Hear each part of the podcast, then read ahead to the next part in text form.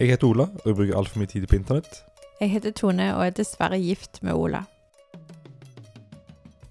Og i denne podkasten forteller jeg deg om noe jeg har lært på internett. Og i dag skal jeg fortelle deg om Oswald på embankment. Eh, Osvald på embankment. Yes. Ja. Oswald Lawrence var nemlig en skuespiller i London som egentlig aldri hadde noe særlig suksess. Men i 1969 så fikk han en jobb som i hvert fall ble hørt av millioner av folk. For han spilte nemlig inn meldingene som ble spilt over høyttalerne på Northern Line på tuben i London. Oh, ja. Eh, Så den stemmen som du hørte der, det var Oswald. ja. Og det er ganske mange som har hatt stemmen sin i tube-systemet. Eh, Den aller første var ingeniøren som lagde hele systemet. Så en fyr som var masterminden bak at nå skal vi si ting over høyttaler. Og så lagde han systemet, og så jeg bare spilte inn alt sammen sjøl. Så bare gjorde han alt det. Jeg har aldri tenkt over hvem de er, de som snakker der, faktisk. Nei. Og han første der, han var jo bare en, en ingeniør. Og det brukte de i mange, mange år. Mm. Og så skulle de oppdatere og bytte, og da leide de inn en skuespiller for å gjøre jobben. Og det gikk veldig bra, helt til han skjønte hva de skulle bruke det til. Og da sa han jeg skal ha royalties. Ja. Hver gang dere spiller av mitt verk, så skal jeg ha penger. Og det er jo mange ganger i minuttet. Ja. Det, jo, det er jo alle pengene i hele verden, det. Uh, så det, bare, det kan vi jo ikke gjøre. Og så ble de ikke enige, så da måtte de bare kutte ut han skuespilleren. Uh, for det ville blitt astronomisk dyrt, da. ja. Eh, og så bare fikk de en ingeniør til bare spille inn alt en gang til. Men i 1969 da prøvde de med skuespillere igjen. Og da ble Oswald hyra inn og spilte inn alt de trengte for Northern Line. Da hadde de forskjellige folk per linje. For linja, ja. eh, Men han hadde noen Line. Og det surra gikk i 43 år, Oi. helt til julen 2012. Da bytta de system. Å ja. Ja. Eh, Da oppgraderte tuben alle høyttaleranleggene på alt sammen, alle linjer. Eh, Så samme stemmen er nå overalt, og det er sånn fleksibelt system. Så det er ikke en person som har sagt alle tingene, men det er sånn, en har sagt alle lydene, så setter de det sammen til å bli Å ja, sånn. bra. Sånn som Mm. GPS-er virker. Ja. Det er kjempefleksibelt og kjempefint, da. Eh, Jeg har brukt masse masse penger på dette her, og byttet ut systemet som var fra 60-tallet, som jo da er Altså, det er jo arkeologisk ja, det er eh, kjempegammelt ja, i sånn teknologi. tidsregning. Ja. Eh, Så Den dagen rett før jul i 2012 eh, så bytta de systemet. Alle var kjempestolte. Og så banket de dama på døren på Embankment Station og sa at hun heter dr. Margaret McCollum og lurer på hva i alle dager som har skjedd her.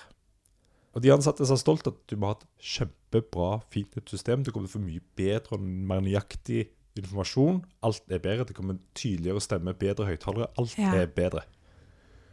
Og så sa hun at ja, men stemmen som var før, det var mannen min, og han døde for fem år siden. Å ja. Oh. Altså hun tar en omvei oh, til og fra jobb hver dag for å bytte på Northern Line på en Bankman Station for å høre stemmen hans. Og nå er stemmen vekke. Å, så sterkt og rart Ja. samtidig. Så de ansatte på en bankment de sa at vet du hva, vi skal gjøre alt vi kan for å hjelpe deg. Vi skal se om vi finner tak i de gamle opptakene. Hvis de ikke er sletta, så skal vi få dem på en CD. Så kan vi høre stemmen hjemme. Ja. Eh, og denne, denne bestillingen den gikk ganske høyt opp i systemet for Transportation for London. Og det rørte alle på veien opp dit. da.